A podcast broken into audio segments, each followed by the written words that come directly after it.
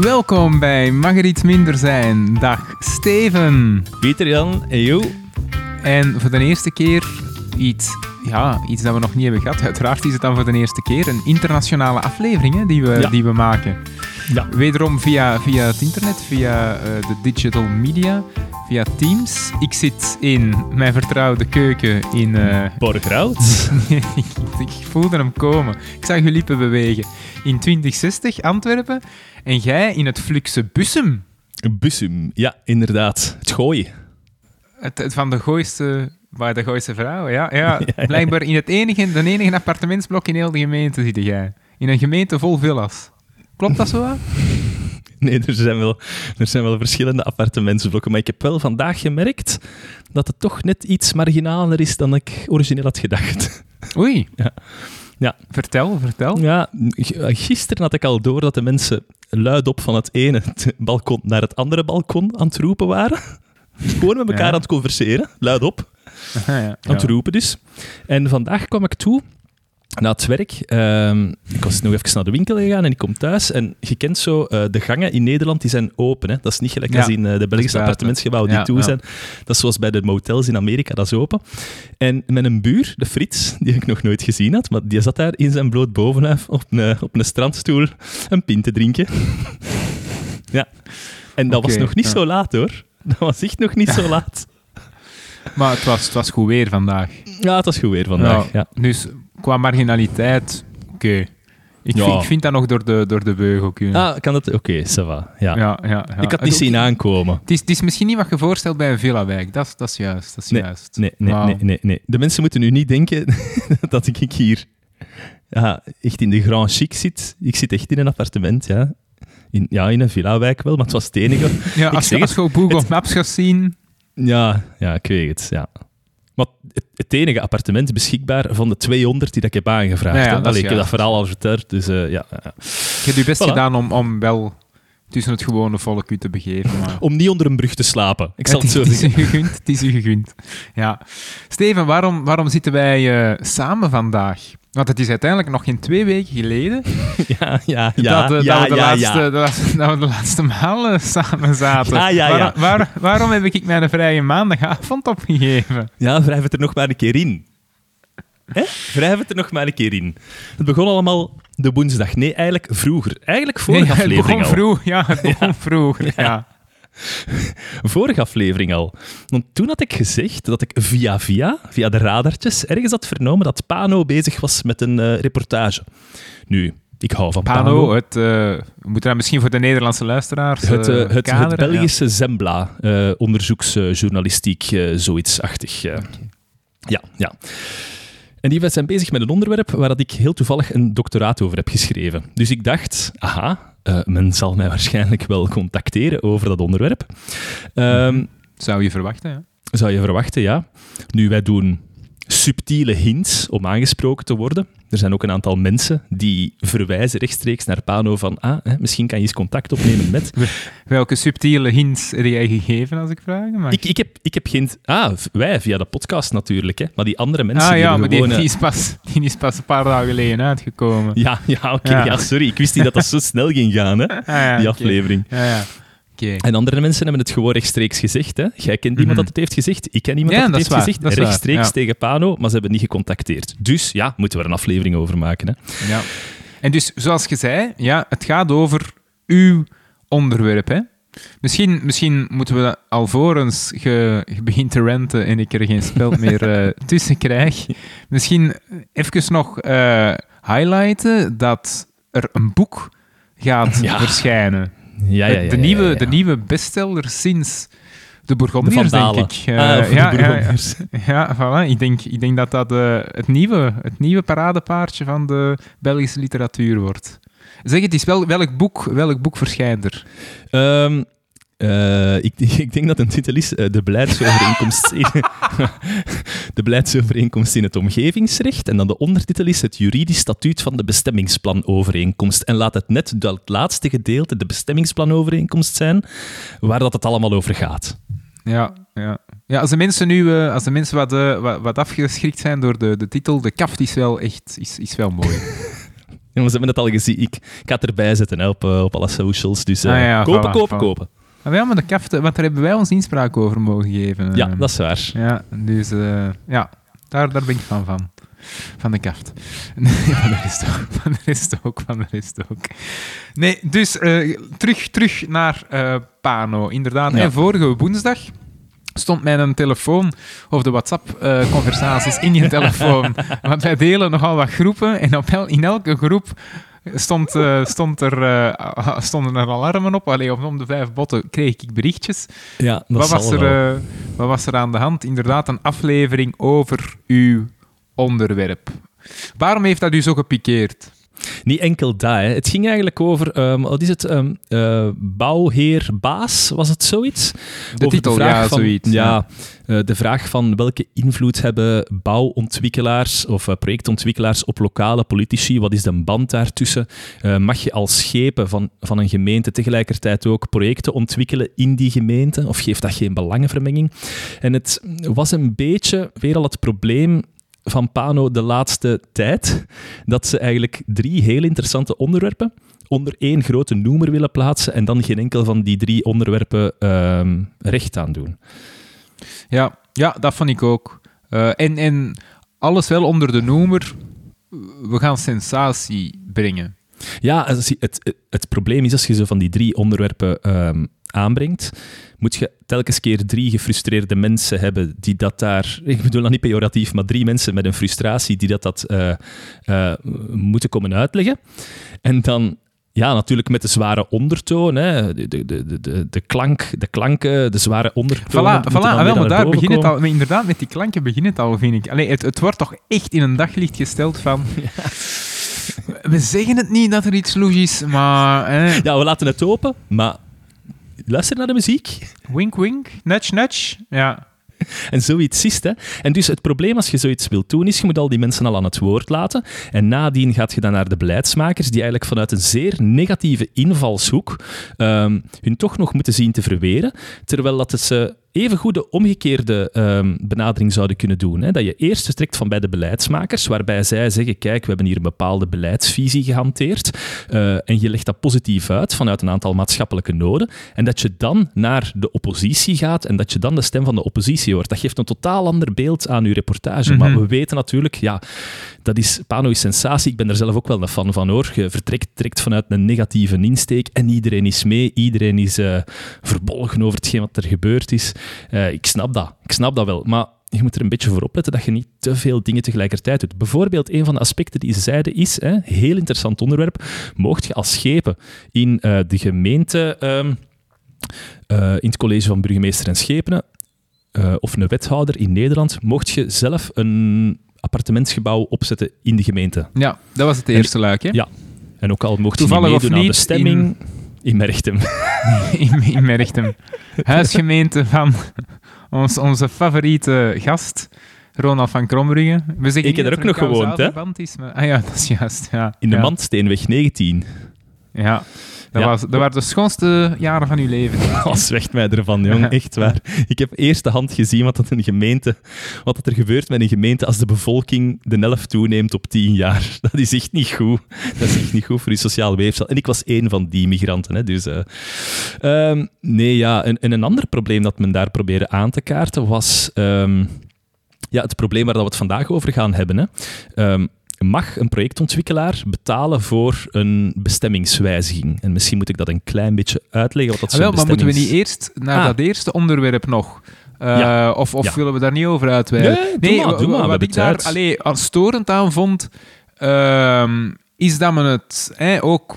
Allee, men, men scheidt niet het probleem dat er mogelijk kan zijn van eh, de schepen die ontwikkelaar speelt, van het project op zich. Hè. Men, men probeert dan die projecten, leek mij, in een, in een slecht daglicht te stellen van hè, men gaat eh, appartementsblokken realiseren in, ehm, in, in het centrum van de gemeente. Mhm. Terwijl dat op zich die projecten dus mij zeer valabel eh, leken. Die, die, die werden gerealiseerd in, in woongebied. Als je daar rondkeek, dat was allemaal bebouwd. Dus Ja. op In zich alle leek mij objectiviteit, het dat- was, een, het was een heel mooi appartementsgebouw op een heel mooie locatie. Kan je eigenlijk niks tegen hebben vanuit ruimtelijk oogpunt. Ja, voilà, voilà. Ah, wel, en dat, dat wordt te weinig, uh, te weinig belicht. Hè? Want alleen men creëert dan die schandaalsfeer van... Ze zouden er niet zijn gekomen als de schepenen niet in het college hadden gezeten. En dat is, dat is allee, totaal, totaal niet waar. Het is niet dat men... Uh, alleen dat is ook, uh, denk ik, iets dat Ronald van Krombrugge uh, zei. Het is iets totaal anders als je bijvoorbeeld woongebied, hè, iets dat in een RUP of een, in het gewestplan als woongebied staat ingekleurd, dus gebied waar dat je kunt bouwen voor woningen.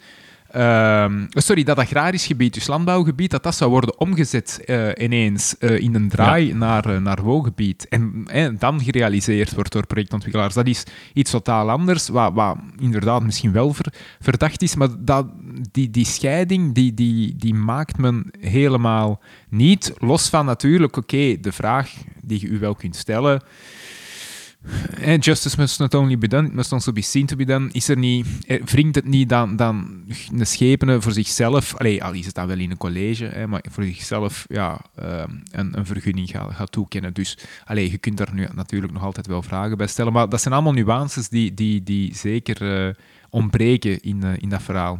Ja, ook omdat het op één hoopje werd gesmeten met uh, Josiane op de markt, die dat daar dan mag zeggen dat er te veel Juist. appartementen worden gezet in Merchtem. Ja, dat is nog een totaal andere problematiek die dat je daar aankaart. Hè. Dat kan inderdaad zo zijn, maar dat is, dat is een aparte aflevering.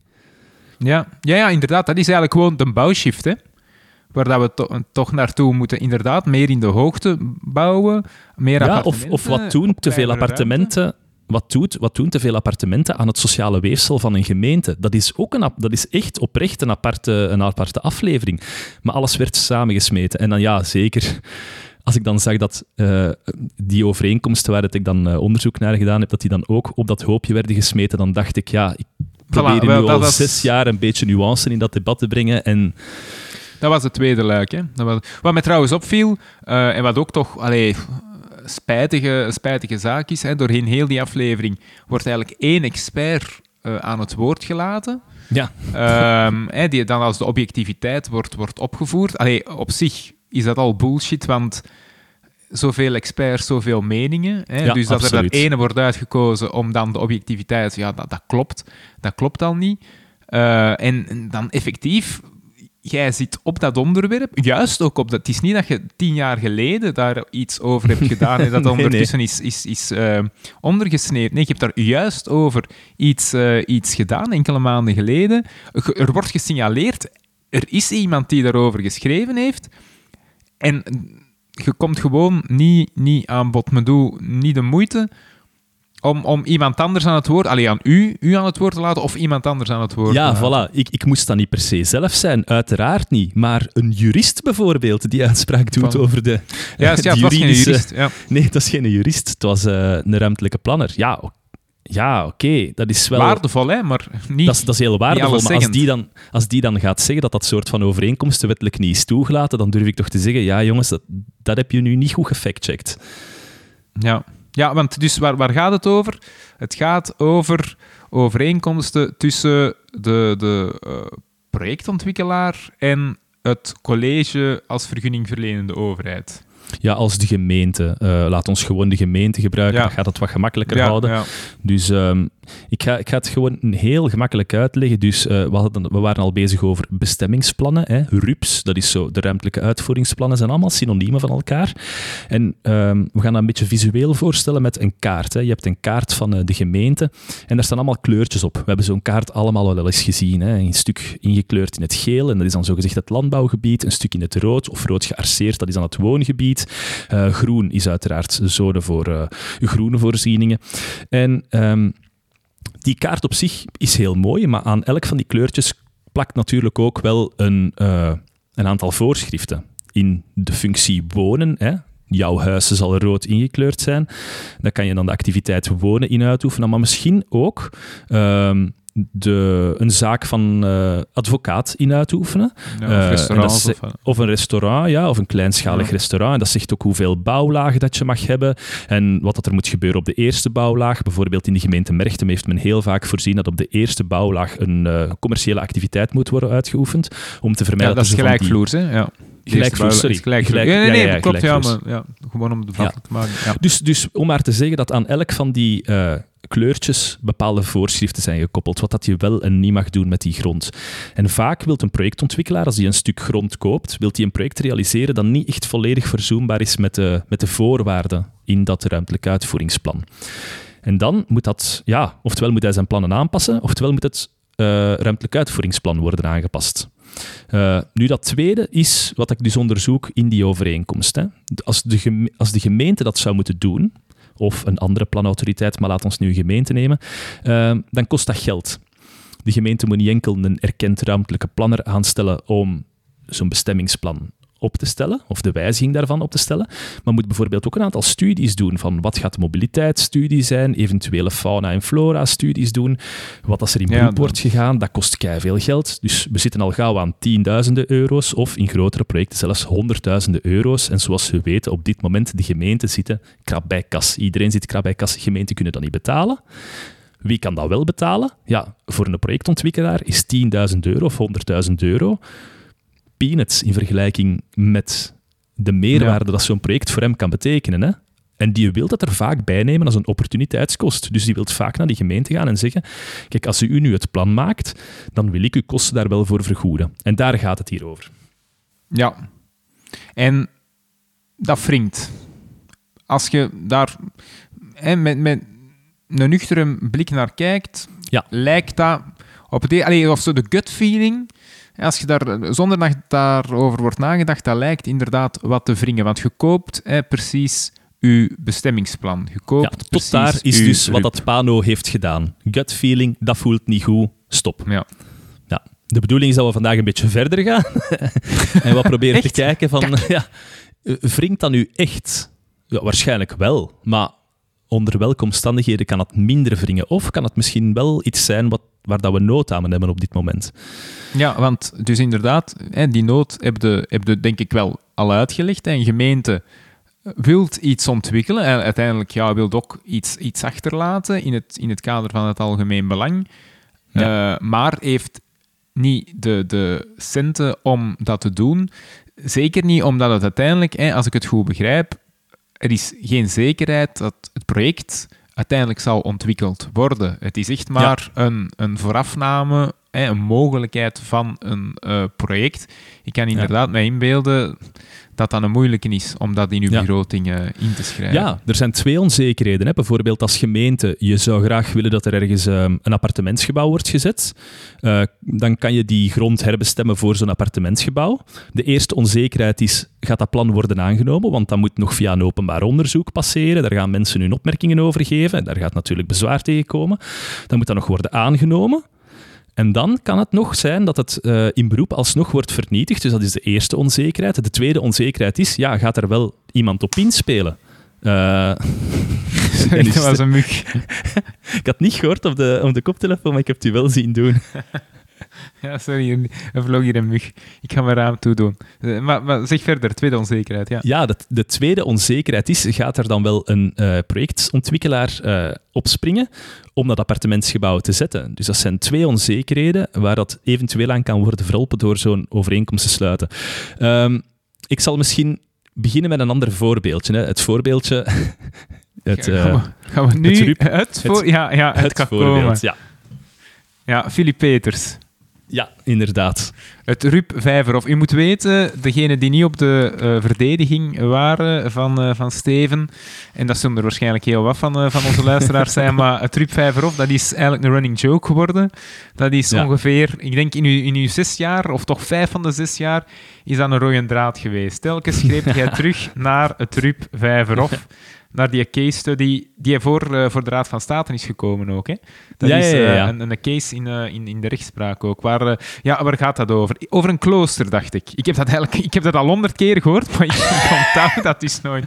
Een klooster, ja, dat, dat weet ik nog. Ah, wel, maar vooraleer ik erop inga, zie ik nog staan, opiniestuk de morgen, vraagteken, ik heb dat hier opgeschreven. Ik heb dus gevraagd Ah, ja, aan we de werken morgen... met een leidraad trouwens aan. Ja, ja, ja. in de leidraad na- staat opiniestuk, ja. De Zeg dag maar, ja. nadien heb ik aan de morgen gevraagd of ik een opiniestuk mocht schrijven. Niet over Pano, maar over die overeenkomsten. Hè, voor Ja. het maatschappelijk debat. Ja, de golf is gecreëerd. Ik wil erop meegaan. Ik stuur dat. Ik krijg deze ochtend van morgen de mail. Ah, sorry, ik heb uw mail nu pas bekeken. Goh, ja, eh, het maatschappelijk debat is eigenlijk eh, toch wel een beetje gaan liggen daarover. Hè? Ja. Kriebels. Als je er een weekend laat overgaan. Wat wil je? Ja, dat is triestig. Ah, wel, maar en je hebt het ook gestuurd naar, naar anderen. Je hebt het naar de VRT zelf ook gestuurd, hè? Ja, ik heb, van, eh, ik, ik heb eh, nog van de tijd, nog van de VRT, nog van de morgen eh, een positief antwoord gekregen. Maar vooral van, allee, wel- van de morgen is het ook wel bedroevend als we er nu pas naar kijken. Maar oké, je weet niet hoe dat die personeelssituatie zit, wie dat die mailbox beheert. Maar van de VRT vind ik het vooral bedroevend. Als je meer uitkomt met zo'n met zo'n reportage, sensatie... één stem, hè, gebaseerd dan op, op één of enkele stemmen, vaak ja, dan ja. oppositie, allee, et cetera. En dan is er iemand die zegt, oké, ik wil er nuance in brengen, ik heb er een doctoraat over geschreven. Nee, dat vind ik echt wel, echt wel Ja, en dan- bedroevend. En dan dus de dag nadien zag ik op een van de reporters in een Twitter van, van, ehm, eh, eh, van Pano, Pano, zelf. ja. Ja. van Pano zelf. Die zeiden ze van, ah ja, onze, onze reportage heeft toch precies het een en ander losgemaakt in... eh, ah ja, een gevoelige snaar, juist. een gevoelige snaar geraakt, inderdaad. Ja, Ket, als je je werk slecht doet, tuurlijk gaan de mensen daarop reageren. Allee, kom aan. Ja, ja, ja, effectief. Ja, hoewel dat het inderdaad... Allee, je vraagt je af, wie, wie ziet dat dat dat slecht is? Hè? Want ik heb ook heel veel reacties gelezen die, Ja. van mensen die, die hierin lezen wat ze willen lezen. Hè? Inderdaad, Ja, ja, het is een corrupte boel. En zie, en met wat voor een hotijne, eh hotijne sfeer of hotijn gedrag hè, wimpelt men de, de reporter af. Hè? Dan de, de, ehm, de bestuurders eh, of de schepenen die aan het woord worden gelaten. Ja, terwijl dat je... Allee, dat is wat dat je creëert. Hè. Je creëert eh, ook anti-establishment gevoel, maar voor, misschien voor drie keer niks. Oké, Ja. ik zeg het, die Ja. eerste case, er kunnen nog iets van... Wringt dat? Ja, misschien, misschien wringt dat wel, hoewel dat die... Maar op zich hebben die op het eerste gezicht niks fout gedaan. Nee, maar toch nee. wordt het wel zo in, in die, eh, op die manier geframed. Ja, dat is echt een statement dat ik nu ook wil maken. Ik heb gezien, dus ik heb dat ook op LinkedIn gepost, 230 comments op gekregen, wat ik nog nooit heb gekregen. En allemaal van mensen die dat zeggen, ja, je hebt gelijk, maar... En we gaan er straks op voortgaan wat dat die argumenten zijn. Hè. Maar het, het fundamentele probleem in deze en in andere zaken is ook, de mensen dat er dagelijks mee bezig zijn, die weten dat zoiets kan. En die gaan daar ook niet veel moeite over doen om de mensen dat daar niet dagelijks mee bezig zijn, om die te overtuigen dat dat kan. Die zeggen, oh, wij doen dat al jaren en we trekken ons daar niks van aan. Nu, natuurlijk, als je dat uitlegt tegen iemand dat daar niet mee bezig is, en je zegt, je betaalt voor bestemmingsplanning, natuurlijk dat hij op zijn achterste poten gaat staan. Wat verwacht je? En als je geen moeite doet om dat tegen het publiek uit te leggen met wat dat je bezig bent en wat dat daar de ratio achter is, ja, dan moet er niet versteld staan dat als een onderzoeksjournalistiek platform daarop springt, dat het ineens een heisa is over het feit dat je die overeenkomsten gebruikt. Je hebt nooit deftig moeite gedaan om daar een of andere incentive over te creëren. Hmm. Ik, ben, ik, ik, ik ben een onderzoeker. Hè. Ik moet dit instrument niet verdedigen. Hè. Het is niet mijn taak om beleidsmatig dit soort van overeenkomsten te verdedigen. Dat is de taak van het bestuur. Maar het bestuur doet, doet dat niet. Dus ja, voel ik mij op een of andere manier academisch genoodzaakt om toch iets of wat te zeggen. Ja, jongens, zo slecht is het eigenlijk ook niet echt, hoor. Mhm, ja. Allee, ik voel Ja. mij daar heel gevrongen in. Dat is niet mijn ja, taak, wel, maar dan is, wat dan we hier aan het doen spijtig, zijn. dan is spijtig dat je zelf je platform, letterlijk zelf je platform moet creëren. Of Ja. een podcast als, als deze. eh, en, en niet de kans krijgt. Uh, alleen nogmaals. van- van- Dat is waar. van, Dat is van de waar. VRT, ja, maar ik vind dat eigenlijk echt cru. Dat, ik- dat is iets anders als jij gewoon alleen een café, eh, eh, de caféman of de man in, in, in straat, met alle respect voor de man in straat, hè, maar die gewoon eens zijn hart wilt luchten en die er een opiniestuk gaat over schrijven. Daar kan ik aannemen dat ze zeggen, ja, oké, we kunnen niet iedereen aan het woord laten, eh, daar trekken we de grens. Maar dat iemand zegt van, oké, ik, heb, ik, ik ben de enige in België die daar een doctoraat over heeft geschreven, over het onderwerp waar jullie nu een reportage over hebben gemaakt, dat je dan zegt, nee, we gaan uw opiniestuk niet, niet aanvaarden of niet publiceren, dat vind ik echt cru. Gewoon ook omdat, voor hun kost dat toch geen moeite. Dat is, dat is een paar bits of bytes op hun website. Ja, ja. Daar, daar, daar gaan ze wel- niet van sterven, hè? Ik moet er wel bij zeggen, ik had nog niet geschreven. hè. Ik had gewoon gevraagd of dat ze wouden dat ik het schreef en dan met welke guidelines of hoeveel woorden dat, dat moest zijn en zo. Dus Ja, ik had nog maar ja. geschreven. Hè. Maar ik neem aan dat je er wel hebt aangekondigd als, als eh, doctoraatsonderzoeker. Of, of Ja, allee, nu, nu is het zelfs eh, docent, universitair docent. Ah, maar ja, maar dus in, in, in zo'n geval vind ik het, ja, nogmaals, redelijk cru. Als je zelf die aflevering hebt gemaakt, als je daar verantwoordelijk voor bent, eh, hoe eenzijdig dat ze is, en iemand zegt van ja, maar ik heb nu toch wel hè, wat nuances aan te brengen, dat je zegt waar vader dan niet. Ja, ik vind dat Ja. echt bedroevend. bedroevend. Swat, Rup Vijverhof. Swat. Rup Vijverhof. Ja, inderdaad. We gaan naar de groene rand van Antwerpen, die gemeente ehm Boeghout. Ehm, waar dat dus eh, zekere Filip Peters woont, die gehuwd is met Ann Miller. En die wonen daar eh, ja, u- uiteraard in dezelfde woning, maar grenzend aan hun woning eh, ligt het Vijverhof. en dat is... Zijn ik te veel details aan het geven? Nee, nee, nee. F- Philip Betershuis van Recht op Recht, hè. Recht op Recht, eh, Salamander. Ja, Ann Miller van eh, In de Gloria, uiteraard. Ah ja, en ook Salamander, die speelde er samen. Ook Salamander, dat heb ik nog Ja, niet gezien. en Thailand. Thailand eh, Ja, speelt ja ook. Liesje. Ja. Is dat Liesje? Ik heb Thailand nooit gezien. is niet mijn Ah, soort humor. oké. Ja, sorry. Ehm, en, en, en dat eh Vijverhof, dat is dus een, eh, een oud klooster. En, en eigenlijk ook een heel mooi park, maar dat park was nog niet toegankelijk. Hè. Kortenbergpark was bijvoorbeeld ook nog niet toegankelijk tot een aantal jaren geleden. Dat eh, is dan toegankelijk gemaakt met eh, een aantal afspraken met de gemeente. Maar wat, ze wouden dat hier ook doen. Hè. Men wou dat park eh, publiek toegankelijk maken. En belangrijk, men wou er een aantal meer gezinswoningen inzetten. Dat was eigenlijk een trade-off. Je mocht er een aantal meer gezinswoningen inzetten als het park ook publiek toegankelijk wordt gemaakt. Ehm, en natuurlijk, ja, de gemeente kan zoiets niet betalen. Projectontwikkelaar kan dat wel betalen. Dus zij maken een samenwerkingsovereenkomst. Zo wordt het vaak genoemd. Hè. Samenwerkingsovereenkomst, terwijl dat eigenlijk juridisch niks betekent. Het is een gewone overeenkomst, waarin dat dus die projectontwikkelaar wel wou betalen voor de kosten om zo'n RUP op te maken. Want ja, je moet natuurlijk mogelijk maken dat er in dat groenpark een aantal meer gezinswoningen komen. Je snapt dat dat stedenbouw technisch niet zo simpel is. Ehm, daar komen heel veel bezwaarschriften tegen. Ik dacht een stuk of 200 of zoiets, maar dat durf ik nu niet, eh, niet te bevestigen dat dat, dat exact dat getal was. Ehm, maar dat, dat plan wordt toch aangenomen en men gaat daartegen naar de Raad van State. Dat, plan wordt eh, of dat beroep wordt getrokken door Philip Peters en Ann Miller, vandaar dat die hun namen vallen. Maar er schrijven ook een heel aantal buurtbewoners eh, op in. En wat dat zij zeggen, hun hoofdargument is, ja, hoe kon de overheid nu nog in alle objectiviteit en onpartijdigheid oordelen over dat plan, als zij al een overeenkomst had gesloten met een private ontwikkelaar? Ik denk dat we daar zelfs de leken in onze luisteraars wel toch een klein beetje mee aan boord kunnen hebben. Mhm. Ehm, ja. ja? Ik, ja, ik, ik denk het wel. Ik, allee, ik heb het verhaal natuurlijk al verschillende keren gehoord, maar het lijkt mij bevattelijk verteld. Oké. Ja. Ehm, de Raad van State tilt redelijk zwaar aan het bestaan van die overeenkomst. Hè. Onze Raad van State die zegt er zijn twee problemen. Inderdaad, hoe kan een overheid onpartijdig zijn als zo'n overeenkomst is gesloten tussen de gemeente en tussen zo'n private ontwikkelaar? Dat is het eerste probleem. Zonder al te veel woorden aan, eh, aan vuil te maken. Hoor. En, en, en kijkt men naar de inhoud van die overeenkomst of, of eh, Wel. oordeelt men gewoon? Ze zeggen, ehm gelet op het feit dat de, de verbintenissen of de overeenkomsten de inhoud van het plan betreffen, hè, dus dat het echt gaat over de inhoud van het plan dat er gaat komen, dat vinden ze problematisch. Ehm, maar voor de rest wordt daar niet al te veel over gezegd. Een tweede argument is ook, je moet weten dat ehm, stedenbouw is een verzameling van enorm veel belangen. Je hebt uw mobiliteit, je hebt uw, eh, de samenstelling van uw bevolking, je hebt de verdichting, je hebt de belangen van de buren, je hebt uw milieubelangen. Al die belangen die komen allemaal samen. En de Raad van State zegt, als je zo'n overeenkomst sluit, waarin dat je belooft om zo'n plan aan te nemen, dan heb je eigenlijk al die belangen al in een weegschaal gelegd, nog voordat die besluitvormingsprocedure is begonnen. Dus op het moment van het feit dat je die overeenkomst bent aangegaan, heb je al een belangenafweging gemaakt.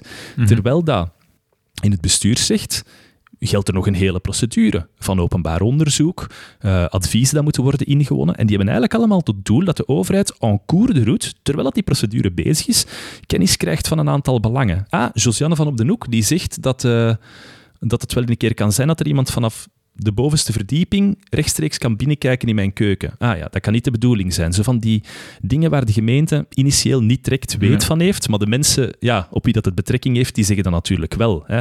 Ja, sorry, er rijden op dit moment al eh, 600 auto's per uur door onze straat. Dat gaan er nu 650 worden. Dat gaat echt veel te veel zijn. Zo van dat gedoe. Hè? Mhm, dat, ja. dat je voelt, ja, oké, ik snap wel dat die belangen op het einde worden gekristalliseerd. En daarvoor dient ook zo'n procedure.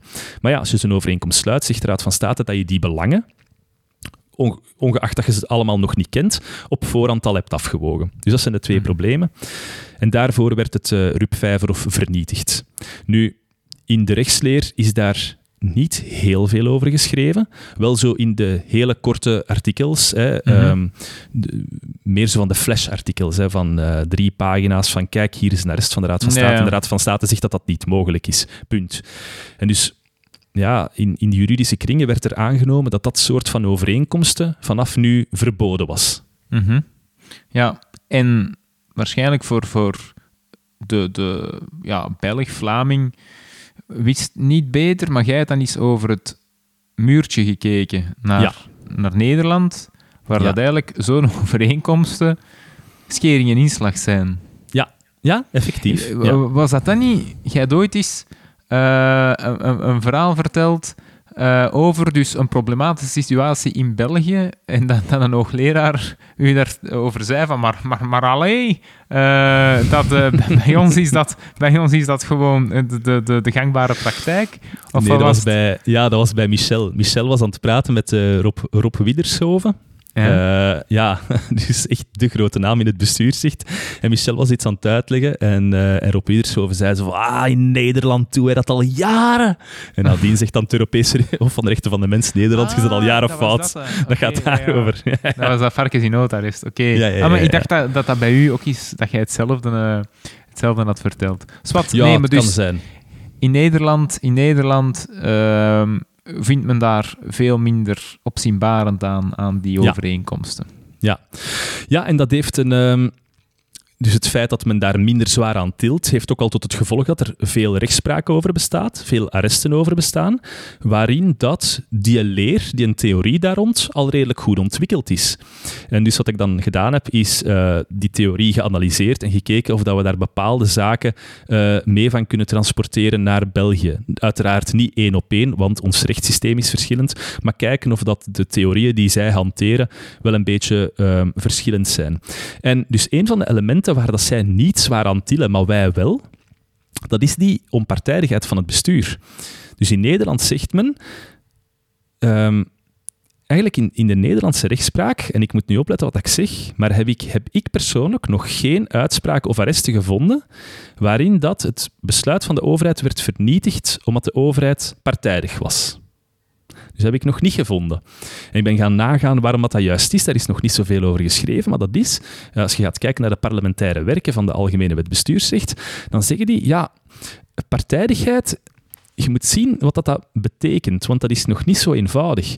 Ehm, beleid voeren, als je beleid voert, wil dat zeggen dat je op voorhand eh, een bepaalde lijn hebt uitgezet. Dat je zegt, wij kunnen 15 beslissingen nemen in dit geval, maar ons beleid is om dat soort van beslissingen te nemen. Hè? Dus één bepaalde categorie van die 15 te kiezen. Ja, oké, we kunnen hier een appartement zetten, we kunnen hier een pleintje maken, we kunnen Ja. hier eh, een shoppingcenter zetten, maar onze, ons beleid is... Ons beleid is, we dat. gaan op dit moment voorrang geven aan sociale woningen, Ja, bijvoorbeeld. voilà. Ja. Eh, als de overheid dan een besluit neemt om sociale woningen te zetten, is de overheid dan partijdig? Je moet je hand er niet voor houden, ik ga het knippen hoor. Eh, je, mag, je je nootje eten in je microfoon, het is geen probleem. Ik ga het eruit knippen nadien. Nee, maar echt, ik til er, ik til er niet aan. Ik, nee, nee, nee, nee. Ik kan, ik kan stoppen met nootjes eten. Nee, nee, maar je mag het, nee, nee, maar je mag het eten, serieus?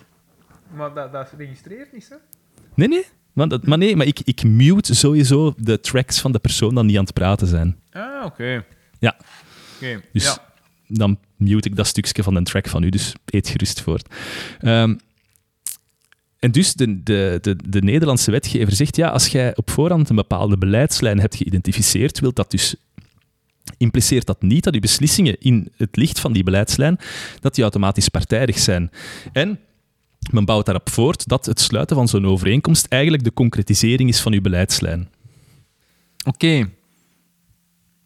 Dus wat, het RUP 5 ROF zou perfect dan, als het past binnen de beleidslijn om meer woongelegenheid te creëren in, in uw gemeente, zou bijvoorbeeld Trup Vijverhof in Nederland zomaar gepasseerd zijn. Zelfs niet. Het kan, het kan gewoon, de overeenkomst kan een concretisering zijn van het beleid op dat moment. Dus dat kan gewoon een, een nieuw beleid, dat moet daarvoor geen beleid zijn dat al jaren bestaat. Dat kan gewoon zijn. Ja, als de overheid Ah, ja, een overeenkomst Ja, sluit, dat wil zeggen dat vanaf dat moment dat dat haar beleid is op dat stuk grond, ja, wat dat zij wil doen. En, en hoe zit dat dan met ehm, die, die inspraakmogelijkheden die je daar juist zei? Het belang van openbaar onderzoek en... Dus wat dat ze in Nederland zeggen, is het feit dat zo'n overeenkomst dat die bestaat. Ehm ja, wil niet automatisch zeggen dat de overheid partijdig is, hè? maar zo'n overeenkomst, je moet daar ook niet te veel in zoeken. Zo'n overeenkomst is enkel een initiële beleidsinschatting. De overheid zegt op voorhand, goh, ja, we willen dat wel onderzoeken. We willen die piste wel bewandelen van daar eventueel eh, een aantal ehm, woningen te zetten en dat, dat park publiek toegankelijk maken. Maar, heel belangrijk is, wij kunnen ons daar niet toe verplichten. Een overeenkomst die bestaat wel, maar die overeenkomst heeft geen impact op wat dat er in die besluitvormingsprocedure gebeurt. Uw adviezen moeten worden ingewonnen. Aan de buurt gaat worden gevraagd wat vinden jullie ervan. En die overeenkomst die mag zeggen wat dat het wilt, in eenderd welke bewoordingen. De overheid heeft op het einde nog altijd het recht om te zeggen het komt er niet of er komt iets anders. Dan zegt je van, ja, maar ja, dan schendt ze de overeenkomst toch? Ja, dat is waar. En dan moet ze eventueel een schadevergoeding betalen aan die contractspartij. Maar publiekrechtelijk gezien, dus als het gaat over die besluitvorming, heeft die overeenkomst daar geen enkele impact in. Oké, dat is het verschil tussen inspanningsverbindenissen en eh resultaatverbindenissen ook. Of, of dat ook zelf, nee, want ook zelfs bij een resultaatverbindenis zeg je, dus als Ja. je je tot een bepaald resultaat verbindt, ook dat is eigenlijk niet problematisch in Nederland, omdat men dan zegt, oké, dan is het, dan lost het op met een schadevergoeding aan de Ja. private contractspartij, maar dat bindt, eigenlijk een resultaatsverbindenis bindt een overheid niet. Buiten dan tussen, tussen de relatie projectontwikkelaar en, en eh, overheid. Ja, we zijn, we zijn al een beetje ver aan het gaan in, in die terminologie. Wat ik gewoon eigenlijk nu wil zeggen is, je moet de twee in Nederland, want we zullen daar straks op voortgaan hoor, als we over België bezig zijn. Dus je moet twee, twee dingen uit elkaar trekken. Dat is het contract, die dat enkel gesloten wordt tussen de overheid en de eh, contract, eh, dus die private ontwikkelaar. Dat zijn Mhm. de enige twee partijen. Op andere mensen heeft dat contract geen enkele invloed. En nadien heb je ook nog de besluitvormingsfase. Hè, dus de fase die eruit voortvloeit, waarin dat de overheid zegt, we gaan daar ruimtelijk uitvoeringsplan beginnen opstellen. Nu, in die overeenkomst mag staan wat dat het wil. De overheid is nog altijd volledig vrij om in die besluitvormingsfase te kiezen of te doen wat dat ze wilt. Natuurlijk, schadevergoeding, hè, je weet hoe dat, dat zit. Maar Ja. de Raad van State zegt wel, ehm, we moeten wel kunnen controleren of dat jij je belangen nog altijd goed afweegt. Hè? Of dat je het private belang van die private ontwikkelaar niet laat voorgaan. En daarom zegt de Raad van State, als je dan toch in je besluitvormingsfase zit, moet je wel zeggen aan je burgers, ten eerste dat er zo'n overeenkomst bestaat, wat de verbintenissen van die overeenkomst zijn en hoe dat je die overeenkomst laat afwegen tegenover de andere belangen in je... ehm, Nu, ik vind dat in, in theorie een prachtig systeem. Ja. Maar de facto, als er een schadevergoeding ja, boven je kop hangt, ja, dat is wel een stimulans om ja. een bepaalde richting uit te gaan. Eh, dat Dan, is ook... hoe, hoe gaan ja. ze daar dan mee om? Of is het dat dat je juist zegt, je moet de transparantie in de afweging van de overeenkomst en de andere belangen, dat ziet Ja. men daar dan als een, een tegengewicht in die, die, die een stimulans die er toch is, de Dat facto. is een- Dat is een heel goed punt wat dat je daar zegt. Dus de Nederlandse Raad van State heeft heel veel vertrouwen in het feit dat de overheid die besluitvormingsprocedure wel correct gaat doorlopen. Hè, en alle belangen wel correct gaat afwegen. Ah ja, want als de overheid dat niet correct doet, dan wordt er naar de Raad van State gegaan en zal de Raad van State het plan wel vernietigen. Nu, het probleem is dat de Raad van State sowieso weinig controle kan uitoefenen op zo'n overeen, eh, zo'n besluit. Want er is heel veel marge dat die overheid daarbij heeft. En hoe, hoe groter de marge van de overheid bij het opstellen van zo'n bestemmingsplan, ja, hoe kleiner die controle van die rechter is. Want anders gaat hij op de stoel van het bestuur gaan zitten. En dus, dan is het inderdaad de vraag, houdt men in Nederland wel voldoende rekening met het feit dat de overheid zich ook gebonden kan voelen door zo'n schadevergoedingsclausule? Over hoeveel spreken we dan? Want dat is een clausule die ook in het contract staat. Of is dat een... een Dat kan een clausule zijn die in een contract staat, maar dat kan er ook niet in staan. En dat heeft bijvoorbeeld in Nederland geleid tot een gefrustreerde projectontwikkelaar die zei tegen de gemeente, ja, ik stel een eh, schadevergoeding in uh, van 6 miljoen euro. Ja, dan moet je wel eens slikken Als kleine natuurlijk. gemeente. Ja, ja. Als kleine gemeente, wie kan er 6 miljoen dragen? En dan kan het wel eens een keer zijn dat de gemeente artificieel in die belangenafweging hè, een motivering begint toe te voegen en begint te zeggen van, goh, ja, eigenlijk eh, die buurtbewoners, Josian, die eh, last ondervindt van die inkijk van het appartement, goh, dat zal toch niet zo erg zijn, snapte? Dus ja, voilà, ja, je kunt daar een motivering aan geven die dat je wilt, waardoor dat die, die een balans weer een klein beetje verschuift. En dus ik vind dat men in Nederland te weinig rekening houdt met het eh, onpartijdigheidsbeginsel, want dat heeft wel degelijk zijn doel. Hè? Ik zeg, wat ik probeer aan te tonen is, je moet naar twee dingen kijken. Ten eerste, wat staat er in de verbintenissen? Dat is heel belangrijk. En dat is waar dat onze Raad van State stopt. Maar ten tweede moet je natuurlijk ook naar de belangenafweging kijken die dat in je besluitvorming staat. En je moet naar die twee kijken. En als de overheid gebonden is, zal dat wel ergens uit blijken. Zal dat blijken uit de verbintenissen en of uit de manier waarop dat ze haar belangenafweging heeft gedaan. Ergens zal uit blijken dat er een probleem is met de onpartijdigheid. En dus waar dat men in België te veel kijkt naar de manier waarop de verbintenissen zijn geformuleerd in de overeenkomst, kijkt men in Nederland veel naar de belangenafweging. En ik denk dat de oplossing eigenlijk ja, de concentrische cirkel is waar dat die twee samenkomen. Ehm, ja. De mix is van de twee, sorry. Ja, ja, ja, ja. Nee, nee, Ik, ik, ik, ik, was gewoon aan het, aan het nadenken. Ja, maar, maar eh, als je... Voor, voor die schadevergoeding, wat zou daar bijvoorbeeld... kun- je daaraan ontsnappen? Kun je, kun je ergens er een systeem creëren dat dat niet als een zwaard Damocles boven de gemeente hangt? Dat dat geen stimulans betreft? Kun je, kun je daar mee weg? Oké, je zet terug aan het-. Ja, ik snap wat dat aan het doen zet. Ja, dus in het, in het, eh, in het verbintenisrecht wordt er een eh, verschil gemaakt tussen inspanningsverbintenissen en resultaatsverbintenissen. Ah, nee, nee, nee. Ehm, ik, was, ik was niet specifiek ah, nee, maar- daar. Ik was, ik was echt gewoon aan het denken... Maar dat is wel eh, een van- manier om ermee om te gaan. Hè? Ja, wel, want dan gaan we, dan gaan we terug naar, naar het Belgische verhaal. Ja, Toch? Ja. Ah, ja, want Ja. Dat, dat is wat je zegt. De Raad van State kijkt naar de, de aard van de verbintenis. Ja. Oké, Ehm, ja, sorry. Dat is, dat eigenlijk, onze Raad van State heeft dat nog niet zo gezegd, maar volgens mij kijkt de Raad van State, ehm, dus als je tussen de regels doorleest, naar de aard van de verbintenissen. De auditeur heeft dat ook gedaan, by the way. Mhm. Ehm, ik, ga, ik ga de naam van de auditeur niet noemen, maar wat de auditeur heeft dat gedaan. De Raad van State is daar niet expliciet op ingegaan, maar aangezien dat de auditeur De- het ook zegt, misschien, denk ja, ik, de auditeur, de auditeur, wat doet hij?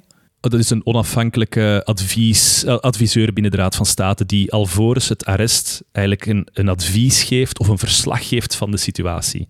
Ja, oké. En een Ja. eigen, ja, inderdaad een eigen beoordeling maakt. Een eigen Doordat de, de beoordeling. Raad van State kan afwijken of kan, eh, kan mee akkoord gaan. Ja. En, en dus ik, ik volg die, die auditeur in het feit dat hij zegt, je moet een verschil maken tussen inspannings- en resultaatsverbintenissen. hè. Een inspanningsverbintenis is, ja, recht is niet moeilijk, hè. wat dat het woord zegt. Ik verbind mij om een bepaalde inspanning te doen. Hè. Mhm. Ik zal een inspanning doen om eh, u in de rechtbank te verdedigen en ik zal mij inspannen dat jij zult winnen. Maar ik kan dan niet garanderen dat jij gaat winnen. Ja, dat is een ja. inspanningsverbintenis. Een resultaatsverbintenis is eh, de verbintenis die je hebt als je een auto binnenbrengt bij de garage, dat die je gerepareerd terug naar buiten komt. Dat is een één op één. Als dat niet zo is, dan is die garagist aansprakelijk voor het niet nakomen van zijn verbintenis. Ja. En dus, je kunt dat ook doortrekken naar dat soort van overeenkomsten waar dat we hier over bezig zijn. Stel je nu voor dat de, overeen, dat de overheid zegt, ik verbind mij er, zwart op wit toe, dat dat plan er gaat komen. Ja, dan voelt iedereen aan zijn, aan zijn water Aan zijn wat. dat dat Ja, niet, dat dat niet kan. water. Dat kan Ja. niet. Want er zijn net die garanties in die besluitvormingsprocedure die een zekere flexibiliteit moeten geven om met die belangen van Josian rekening te houden. Ja. Josian, Pieter Kapsel, kom eens altijd. Ik kan, kan ze mij zo inbeelden. Ehm, natuurlijk, het is iets anders als de overheid zegt: ik zal mij inspannen om zo'n plan aan te nemen. Maar ik moet natuurlijk wel. Je bent aan het lachen met ons, Josian, hè? Wat is er mis met het feit dat Josian Ja. een Pieter Kapsel heeft? Nee, nee, ik, ik denk, is, is het een Carmen? Een Carmen Waterslager? Is dat zo? Nee, nee, Sociaal? nee, nee, nee. Ah, nee. Ja, nee, nee, nee. Ja, ja, ja, ah, wel. Ja. Ah, wel, sorry. ja. Dat is, dat is maar, maar, dus, maar dus kort pittig kapsel is... Voor Kort, mij is kort ah, ja. pittig kapsel. Gelijk dat van nu, maar dan in het aubergine. Dat is voor Ah, mij ja. kort pittig Ah, kapsel. ja, oké. En jij, mijn moeder is nu zo getypeerd? Ons Monique? Ja, volgens mij die, die is aan iemand getypeerd als een auber- met auberginekleur. Ja, maar ik weet niet of dat, dat, dat, juist is. Ik, ik, kan, ik, kan me, ik kan uw moeder mij eigenlijk niet meer voor die geest Ja, halen. nee, maar een paar weken geleden waren jij er zo over bezig. Alleen, dus jij vindt mijn moeder wel een pittige. Nee, nee, nee, maar doe, doe verder. Doe verder. Ja. Ja, Ik begin dat hier ineens een beetje warm te krijgen. Ja, ehm, ja. Ehm, goed. Was bezig, resultaatsverbintenissen. Ja. nee, inspannings, ja, in de inspanningsverbintenis. Ja, dus wanneer dat de ja. overheid zegt, ik zal mij eh, inspannen om zo'n eh, bestemmingsplan te realiseren, dan zegt die overheid, maar ik kan me er wel niet toe garanderen, want ik moet namelijk rekening houden met die procedure die volgt. En die procedure die heeft namelijk als hoofdkenmerk dat het resultaat van die procedure niet te garanderen is. Waarin dat ik nog kan rekening houden met een aantal belangen die naar boven komen. En dus je merkt wel dat zo'n inspanningsverbintenis de flexibiliteit in zich heeft die dat die ruimtelijke ordening echt nodig heeft ja. die flexibiliteit om af te wijken, om op je stappen te kunnen terugkomen. En dat vind ik wel een belangrijke. Dus wat, wat ik eigenlijk voorop stel, is zo'n overeenkomst is enkel mogelijk als het inspanningsverbintenissen zijn. Hè. En dus waar dat de Pano-reportage zegt, er wordt betaald voor, dat doet vermoeden dat hè, zwart-wit op, eh, zwart-wit is. Je gaat naar de winkel, hier, 2 euro, ik koop een prei. Zo is het dus natuurlijk niet in de ruimtelijke planning. Dat gaat veel genuanceerder zijn, met veel flexibelere verbintenissen, waarbij de, als de overheid uiteindelijk het plan niet aanneemt, dat de overheid niet meteen contractueel aansprakelijk is. Want ze kan zeggen, ja, maar ik heb wel mijn best gedaan. Ik heb wel de procedure doorlopen. Ik heb iedereen aan het woord gelaten die aan het woord mocht komen. En wat blijkt uit de uiteindelijke afweging? Ja, sorry. Het zit er niet in. Dus eigenlijk is dan, alleen als dat effectief, hè, want we moeten dan met twee, twee woorden spreken eh, bij, met, met de Belgische Raad van State. Want, eh, we moeten met twee woorden spreken, dus ik begrijp dat, dat de Raad van State nog nooit een RUP, zo- of zo'n overeenkomst voorafgaand aan een RUP, hè, dus dat RUP nog nooit overeind heeft, heeft gelaten. Nee, nee. Of toch niet... ehm, eh, of om andere redenen heeft vernietigd. Ja, oké. Dus Ja. daarom kunnen we niet zeker weten dat Nee. dat echt de, Nee. de, de beleidslijn van de Raad van State is. Maar, maar dat zou dus, eh, zeg jij wel, eigenlijk een betere oplossing zijn dan de, de, de Nederlandse Raad van State, die...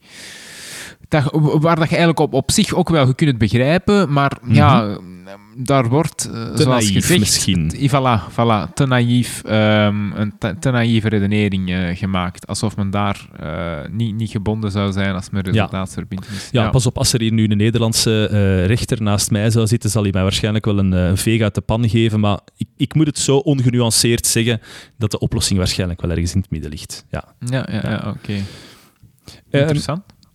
Een, een andere vraag die misschien ehm, kan gesteld worden is: ehm, mag dat wel dat de overheid een ruimtelijk uitvoeringsplan maakt voor één welbepaalde persoon of één welbepaald bedrijf? Is dat sowieso niet een beetje problematisch? Mhm. Ehm, Oké. Beelden u in dat er een ruimtelijk uitvoeringsplan wordt gemaakt voor de uitbreiding van Essers. Ja, oké, het ehm, ja, het bos daar. Het bos, ja, inderdaad.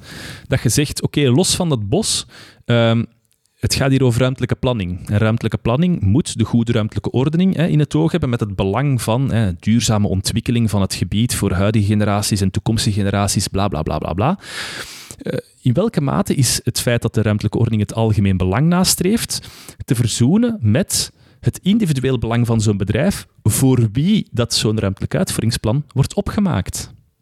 Heb ik het goed uitgelegd? Ja, ja, ja. ja, Spanningsveld? Oké, ja. En daarvan zegt de Raad van State, ehm, ja, dat mag. Hè, dus eh, in de De ruimtelijke Belgische, de Belgische Raad van State? de Belgische Raad van Ja, State zegt, ja, dat mag dus wel degelijk. Hè. Er mag een plan worden opgesteld voor één welbepaald bedrijf ehm, om uit te breiden, maar natuurlijk dat belang, dat individuele belang van dat bedrijf, moet wel inpasbaar zijn in het ruimere algemeen belang. Hè. Mhm. Individueel belang en algemeen belang zijn niet noodzakelijk in strijd met elkaar.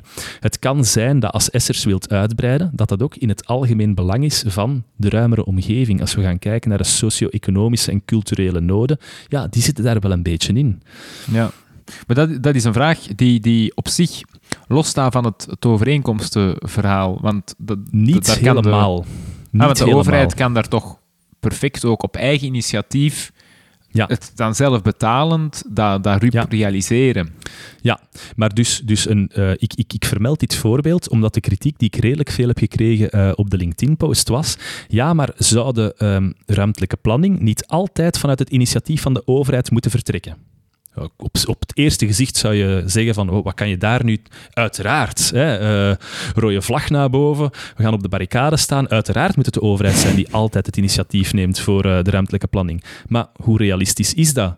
Dat de overheid in de gemeente waar een Essersfabriek richt, zegt, eh, Zelf, zelf naar Essers zelf, gaan, ja. zelfs naar Essers gaat en gaat vragen, zeg, wat zouden jullie ervan denken dat we een keer een bestemmingsplan maken om jullie fabrieksuitbreiding mogelijk te maken? Ja, Dus dat ja. is niet zo. Die worden benaderd door de privé. Dat is zo. En daar worden dan geen overeenkomsten over gesloten. En dat wordt dan Hmm. eventueel in achterkamertjes gedaan, waardoor het ook al niet heel transparant is. Maar fundamenteel nog, waarin dat de overheid betaalt voor zo'n bestemmingswijziging. En dat alle merits, alle Mhm. voordelen van die bestemmingswijziging naar Essers gaan. Dus wat gebeurt er in zo'n lokale gemeente? Waar zitten die nu eigenlijk? Zitten die in Genk of zoiets? Ik durf het niet te zeggen hoor. Die, die zaten ook in Wilrijk. Of, of in Wilrijk? Nee, nee, Ja, op dat- beide locaties, hè, maar die had hij ook in Wilrijk Ah, wel. zaten. Hè? Maar stel je nu voor dat, dat, dat, dat de gemeente Wilrijk daar, daar dan 70.000 District. euro voor gaat betalen. District Wilrijk, Ja. mijn excuses. 70.000 euro voor gaat betalen voor een, eh, voor een bestemmingswijziging zodanig dat Essers een private onderneming kan uitbreiden. Ja, dat, voelt, dat voelt toch ook niet zo? Nee, nee. nee, en uiteindelijk is dat toch niet anders.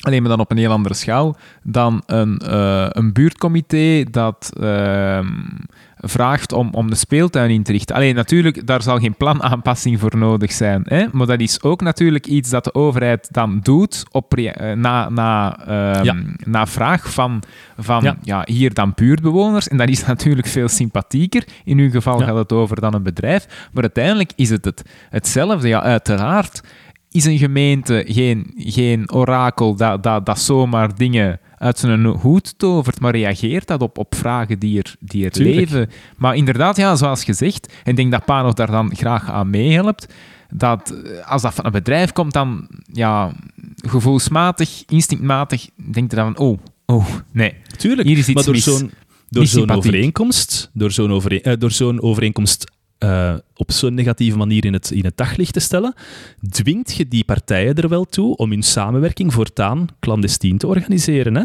Onder tafel, zonder dat er daar iets van op papier wordt gezet. Want ja, die samenwerking moet er toch zijn. Essers Ja. gaat vragen aan een... Ik zeg nu Essers, maar dat kan even, even goed in welk ander bedrijf zijn. Hè? Gaat gaan vragen om een uitbreiding te krijgen. Ja, eh, moet de overheid dan zeggen, het was ons initiatief? Ja, sowieso niet. Hè? Eh, Ja. En plus, het individueel belang zit verweven in onze ruimtelijke planning eh, en onze ruimtelijke ordening. Kijk maar naar de hele vergunnings eh. Als jij een omgevingsvergunning aanvraagt, ja, dat is individueel. Hè. Je vraagt individueel aan de overheid, mag ik hier een huis zetten? Dat gaat over zo van die zaken. Hè. Mhm. Ja. Ja, oké, nee. Ik snap het. Wat, wat, wat, ik- wat, ik- wat, wat ik ehm, eh, daar straks mij nog afvroeg, ehm ben dan eh, vergeten te vragen. Ja. Eh, met met zo'n inspanningsverbindenis, is dat wortel genoeg voor, voor de projectontwikkelaar om daarop in te tekenen? Want uiteindelijk, hij krijgt dan niks garant. E- de enige garantie die, die hij krijgt, is dat de, de overheid zal beginnen met eh, het, het project, het planproject. Maar dat is eigenlijk de enige, enige garantie. Is dat wortel genoeg om heel... Hè, want als het dan over tienduizenden euro's gaat, dekt dat, dekt dat wat het risico dat... ehm, Ja, ik ga uw Eh, vraag nog scherper stellen. Ehm, ja. De enige manier waarin dat ik zo'n eh, overeenkomsten zou toelaten, is dat de overheid op voorhand reeds het bedrag betaalt. Punt. Dat moet gewoon de, de, de, betaald de worden. ontwikkelaar op voorhand. Ja, sorry, de ontwikkelaar. Sorry, de ontwikkelaar moet dat betalen en dat is een opportuniteitskost. Ehm, en dan En is het de vraag... Je denkt dat dat, dat dat zou gebeuren. Het is niet dat het dan gewoon ineens stil zou vallen, dat, dat, die overeen, dat daar niet meer gebruik van zou maken, Ja, ehm, eh, gemaakt worden. ja, dan, dan, dan, dan valt het maar stil. Maar eh, de, uit, de, uit de getuigenissen die dat ik op dit moment heb gehoord, is dat dat wel degelijk een voldoende wortel is om, eh, om mee aan de slag te gaan. Ja. Want dan, Ehm, dan heb je... Ja, oké. Allee, Je kunt er geen cijfer op plakken, maar dan de helft bijvoorbeeld van je projecten ja, gaan dan misschien op niks uitdraaien, maar die andere helft, allee, de kans op een project is dan voldoende voor, voor Ja. een projectontwikkelaar om in een niet-spanningsverbindenis. Ja, oké. Ja, ja eh, wat is het alternatief voor die ontwikkelaar? Dan moet hij wachten tot ten eerste de beleidslijn van de overheid eh, gealigneerd staat met de budgetten die dat vrijkomen. Mhm. En ja, dan kan het wel eens een keer zijn dat je heel lang moet gaan wachten. Hè? Zeker als je nu moet zien dat de overheid in de betonstop alles, de lokale overheden, alles zelf moeten gaan betalen. Ja, veel geld voor eh, nieuwe planning zit er niet echt meer in. Hè? Als je Mhm. ook nog die bouwshift moet gaan betalen. Dus ja. ja, ik denk dat die projectontwikkelaars... Ik zeg nu altijd projectontwikkelaars, maar dat zijn het ook niet altijd. Dat kan ook een boer zijn die dat wil uitbreiden. Dat kan ook een, eh, dat kan ook een industrieterrein zijn dat wil uitbreiden. Dat kan, dat kan alles zijn. Hè? Maar Ja. projectontwikkelaars is het meest... Dat, dat voelt het slechtste aan, omdat dat gaat over woningen die gezet worden door betonboeren. Hè. Je, kent dat, eh, je kent dat verhaal. Eh, maar dus ja, ik denk wel degelijk dat daar een, eh, een mogelijkheid in zit. Maar ook een andere heel belangrijke eh, caveat is dat ehm, een schadevergoeding kan bedongen worden. Dat kan in de overeenkomst staan als een van de partijen zijn verbintenissen niet nakomt, dat er een schadevergoeding moet worden gedaan. En het kan zijn ja, dat inderdaad de overheid ergens een fout maakt hè, en cours de route en dat dat dan wel degelijk geld gaat kosten voor die overheid. En dan moet je een beetje gaan zien dat die kost niet al te buitensporig wordt voor de Mhm. overheid, uiteraard. En daarom dat ik zeg, of vooropstel, dat die kost hè, maximaal gelijk mag zijn aan de reëel in te schatten plankost om situaties te vermijden die dat men hier in Nederland heeft, hè, dat er zo een, eh, een mafieuze toestand is waarin dat de gemeente wordt aansprakelijk gesteld voor 6 miljoen euro voor eh, misgelopen winsten en opbrengsten. Ja. dat Is dat, gezever. is dat niet altijd zo? Of, of is dat niet iets dat ik mij nog herinner uit, uit de lessen verbindenisrecht of bijzondere overeenkomsten, dat je schadevergoeding, als je zo'n ehm, schadebeding opneemt, dat dat altijd billig moet zijn of in verhouding Ja, ja. moet zijn tot... Ah, wel, maar dus die heb ik dan gekwalificeerd als ongeveer gelijk met de plankosten. Maar neem, voorziet het contractueel. Want als je het niet voorziet, ja, dan mocht je vragen wat dat je wilt natuurlijk. Hè, als tegenpartij. Niet dat je het gaat krijgen, maar dan mocht je het wel vragen wat dat je wilt. Ja, oké. Oké. Een andere vraag die, die ik ook al heb gekregen is... ehm, en ik ben eens benieuwd wat dat jij daarvan eh, vindt. Dat is... ehm, de vraag werd ooit gesteld aan de minister van eh, Ruimtelijke Ordening, Dirk van Mechelen, in 2007. Er werd gevraagd Amai. of voor deze, eh, voor deze plannen mocht worden betaald door de privé.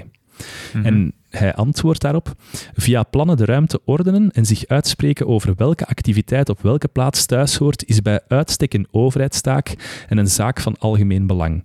En hij leidt er uiteindelijk eh, uit af dat aangezien dat het zo'n overheidstaak is, het enkel door de overheid kan worden gefinancierd. Nu vraag ik mij af, wat vind jij daarvan, van die redenering? Dat is wa- wat we dus daar juist allemaal hebben besproken. Ja, maar ik wil gewoon maar zeggen, moet een overheidstaak noodzakelijkerwijs gefinancierd worden door de overheid? Ja, in dit geval...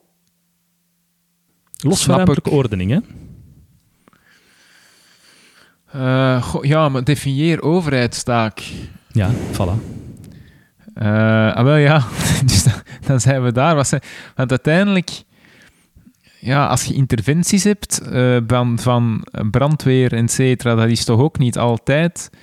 Ja, dat is, dat is alleen, dan, dan gaat het terug van wat, wat moet een overheid doen en, en wat, wat verwachten dat inderdaad uitgesmeerd wordt over de belastingbetaler. En wat is uw, Ja. eigen, uw eigen verantwoordelijkheid?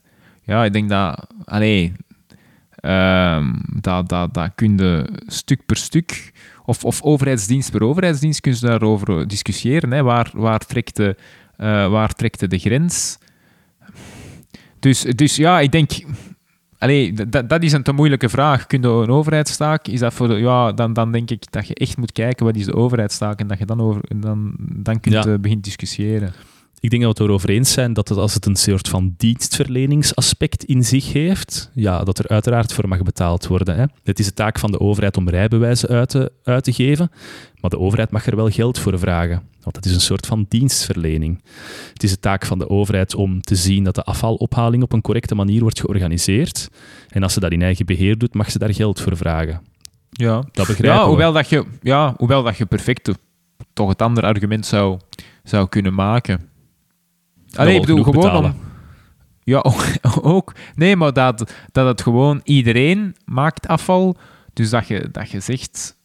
We, we, we zien dat echt als een, een overheidstaak en we collectiviseren die, Ja. die, die kost. Denk ik Ja. dat je ook wel op zich kunt... Maar ja, allee, dat is hetzelfde. Waarom... Allee, dat, dat weet ik nu niet. Als, als ambulance en, en, en, en, en brandweer. Ja, daar kun je ook het verhaal maken van... Ja, oké, pech, hè. Allee, uw, uw huis brandt af. Niet dat van uw buur.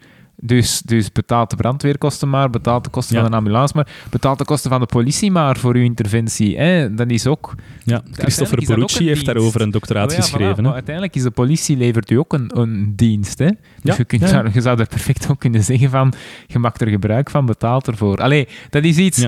Ik vind dat ja, eigenlijk een discussie waar je geen juist, juist fout op hebt. Nee, maar ik ga de situatie nog scherper stellen. Dus dat ging over zaken waarin het er niet echt een beleidsmatig aspect aan verbonden was. Maar natuurlijk, het opstellen van regelgeving, wat zo'n ruimtelijk uitvoeringsplan wel is, Ja. ja, dat is natuurlijk wel iets anders. Dat gaat hier over een essentiële overheidstaak.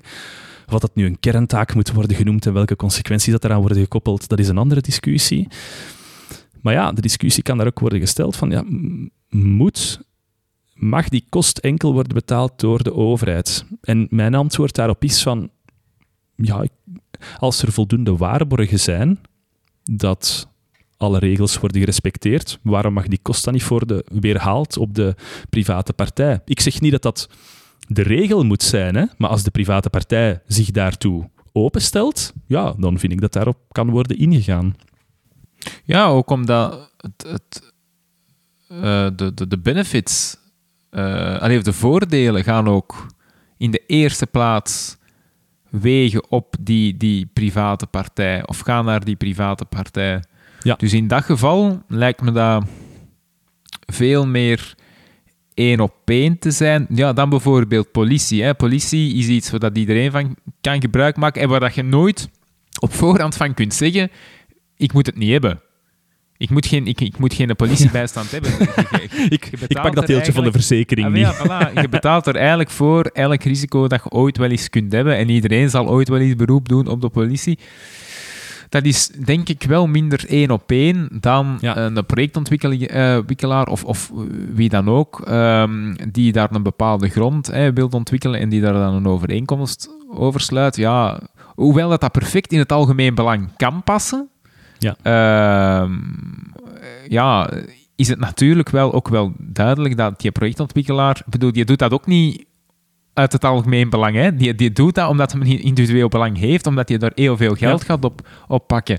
Eh, Ook met die woontorens, eh, in, in die Pano-reportage, uiteraard doet je dat niet voor, voor de bouwshift. Uiteraard is dat niet wat hem bezighoudt. Hè? Die, die wilde een extra villa in Monaco of whatever. Ehm, eh, dus dan lijkt het mij niet onlogisch dat je inderdaad die kosten eh, op, op hem afwentelt, maxi, eh, maximaal. Tegelijkertijd, inderdaad, zie ik ook wel het probleem niet dat je het doet. Hè. En, en denk ik dat het perfect verdedigbaar is dat het algemeen belang en het individueel belang samen, samen Ja. kunnen, kunnen lopen. En dat laatste, hè, dat van die hoge woontorens, daar wil ik nog een klein beetje op doorgaan. Want als ik de kritiek tegen dat soort van overeenkomsten in de Pano-reportage probeer te ontleden, dan denk ik dat het eigenlijk een beleidsmatige kritiek is. Een beleidsmatige kritiek van waarom staat de overheid toe dat er hier op de buiten, want het ging buiten de Antwerpse ring, dat er daar nog eens een extra kantoorgebouw ging bijkomen. Ah ja, ik was dan, aan eh, aan het denken. Eh, ja, oké, Ja, maar juist. sorry. Ja, ja, Ik was ik ben nog altijd over, over Antwerpen ja, ja, bezig. Het ging daarover. Want hè, er werd dan gezegd, ja, maar ja, er is hier een overeenkomst gesloten en die private ontwikkelaar gaat ervoor betalen. Maar in Antwerpen staan er nog zoveel kantoorgebouwen leeg, dus waarom moet er hier een nieuw komen? En dan denk je, ja, oké man, nu, zijn je, nu ben je twee verschillende discussies aan het voeren. Hè. De eerste discussie is, is er wel nood aan bijkomende appartementsgebouwen? Ja, puur beleidsmatig dan. Moet de overheid dan in zo'n overeenkomst gaan? Nee. Maar dat heeft... allee, dat wil niet zeggen dat het gebruik van zo'n overeenkomst voor andere Ja. doeleinden, die wel in overeenstemming zijn met het algemeen belang, ja, dat die niet positief kunnen uitvallen. Ik ken voldoende plaatsen, hè, Ehm, ik, ik woon er toevallig in, in een land waar dat er een woningnood is. Ik zeg het nog eens, er is een nood aan woningen voor 1 miljoen mensen in Nederland. Ja, als er hier private overeenkomsten worden gesloten, waarin dat er dan wordt gezegd, ja, oké, eh, u mag daar dan, eh, we zullen wel een bestemmingswijziging doen, maar de private partij zal er wel voor moeten betalen. Ja, tuurlijk is dat in overeenstemming met het algemeen belang. Hier is een woningnood. Maar dus dat is eerder een beleidsmatige afweging. Hè. Dat is geen kritiek op de overeenkomst zelf, dat is gewoon Ja. een kritiek op het feit dat de, dat de stad Middel en Antwerpen daar die overeenkomst niet had moeten sluiten. Ja, maar ja, dat is middel en doel. Het, daar eh, discussieert men over het doel. Ja, ja, voilà. Is, dat wel, is dat wel nodig? Maar inderdaad. En, en, en Pano sleurt dan ineens het middel daarbij om daar Ja, een schandaalsfeer rond te creëren. Maar het is inderdaad het, het mengen van, van twee discussies die je perfect kunt scheiden. als het oppositielid van Groen dat argument geeft, Pano wil dat in zijn geheel uitzenden, snap ik uiteraard. Maar ja, zet dan ook eerlijk genoeg om te zeggen dat dat een andere discussie is. Mhm.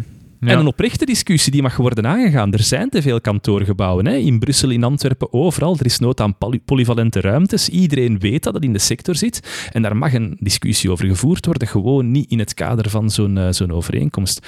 Eh, iets anders wat ik, ehm, op wat ik eigenlijk nog zou willen voortbouwen, dat is, ik had u nu de vraag gesteld, ehm, mogen essentiële overheidstaken worden betaald door de privé? Ja, die hebben we behandeld, dat hangt ervan af. Maar mogen essentiële overheidstaken worden uitgevoerd door de privé? ja, opnieuw. Wat zijn essentiële overheidstaken? Het maken van wetgeving. Het maken van wetgeving. Ja. Ehm, maar niet het stemmen van wetgeving. Het Ah, maken. Dat is iets anders, ja. Ah, Ja, ja, oké. Maar ja, maar het stemmen van wetgeving, dat lijkt mij niet. Dat niet, nee, dat Nee. niet. Maar, Maar het, we het kunnen- we maken... We kunnen ervan uitgaan dat het maken van wetgeving is een kerntaak van de overheid. eh, ja, ja, ja, ja, ja. Oké, akkoord, akkoord, ja, ja. Door wie wordt wetgeving opgesteld? Ja, in principe... Allee, of vroeger zeker door het parlement. En, en, eh, en de, Of de medewerkers. Ah, De ja, oké. Ja, ja, of. Eh, het parlement, ja, ja of, of, of eh, inderdaad de regering, kabinetten. Eh, maar ik bedoel, ja, dus effectief door de, de, de politieke, de politieke Ja. actoren. Eh, Maar? ah, wel ja, dus dat... Ja, hè, dus, dus het gebeurt wel eens dat advocatenkantoren of, of private spelers, hè, inderdaad. Ja, maar is dat problematisch? Het gebeurt wel eens. Ehm, ik wil... Ik, ik, ik durf het niet eens zeggen welke wetten dat er allemaal door advocatenkantoren zijn geschreven in opdracht van kabinetten. Hè? Ah, wel, maar da- daar Advocatenkantoren zeg je die het. business doen in die materie, hè? dat ja. daar belanghebbenden in zijn. Hè? Ah, wel ja, maar, maar daar zegt het, ja, het is in opdracht van. Dat vind ik Ja. op zich... Ja, maar jij bent Ja. de expert, hè? Ze komen naar u omdat jij de expert bent en de expert heeft macht. Juist, ja, ja, ja. Oké, ja, ja, je zult, eh, bij wijze van spreken, achter de komma zul je wel wat kunnen manoeuvreren, maar het blijft toch de, eh, het kabinet of, of de parlementair die, die een keuze maakt. Die komt toch met een idee naar, naar u. Dat is Om- zo. Dat is zeker zo. Maar als jij zegt vanuit juridisch oogpunt, hè, moeten we wel opletten, moeten we een caveat inbouwen dat die randvoorwaarden, bla bla bla. En het kabinet, als, het- ja, als jij dat zegt tegen het kabinet en je bent een expert ondernemingsrecht, dan gaat het kabinet zeggen, ja, zal wel zeker. Hè. Schrijf het in de parlementaire voorbereiding dat het zo moet zijn. En voilà. Je het. Dus ik wil maar zeggen, eh, mijn argument is eigenlijk, we zijn niet heiliger dan de paus. We moeten echt... Ik, ik zeg daarom niet dat we een loopje moeten nemen met het fatsoen, maar we moeten ook beseffen dat de realiteit soms zo is. Private ondernemingen contacteren overheden voor het opstellen van ruimtelijke uitvoeringsplannen, maar het- eh, dat gebeurt evengoed in de wetgeving. Hè? Dat er via Ja. lobby en via advocatenkantoren eh, al dan niet wordt aangezet tot wetgeving of gewoon wetgeving wordt opgesteld. En dan moet het worden gestemd door het parlement. Maar jij weet evengoed dat daar bijzonder weinig... Ja, in de commissies natuurlijk wel, hè, maar in de stemming in het parlement, goh, wie gaat daar nog... Ja, ja, oké, ik geloof... Ah, wel, maar dan inderdaad, maar het feit dat de advocatenkantoren zoiets schrijven, dat vind ik ja, op zich allee, weinig, weinig problematisch. Als daar de kennis zit om een memorie van toelichting en zo te schrijven, ja, dan, dan zie ik zo het probleem niet ook. Ik zeg het omdat er eigenlijk de keuzes niet, niet worden gemaakt. Dat lijkt mij dan nog iets anders. Bijvoorbeeld met een RUP, daar zie ik dan eerder nog het probleem, hoewel dat we dat dan ontmijnd hebben hè, eh, enige tijd terug, alleen of een paar minuten geleden. Maar daar gaat het natuurlijk wel over de keuzes die gemaakt worden over het algemeen belang. Waar dat dan over onderhandeld wordt, hè, tussen aanhalingstekens.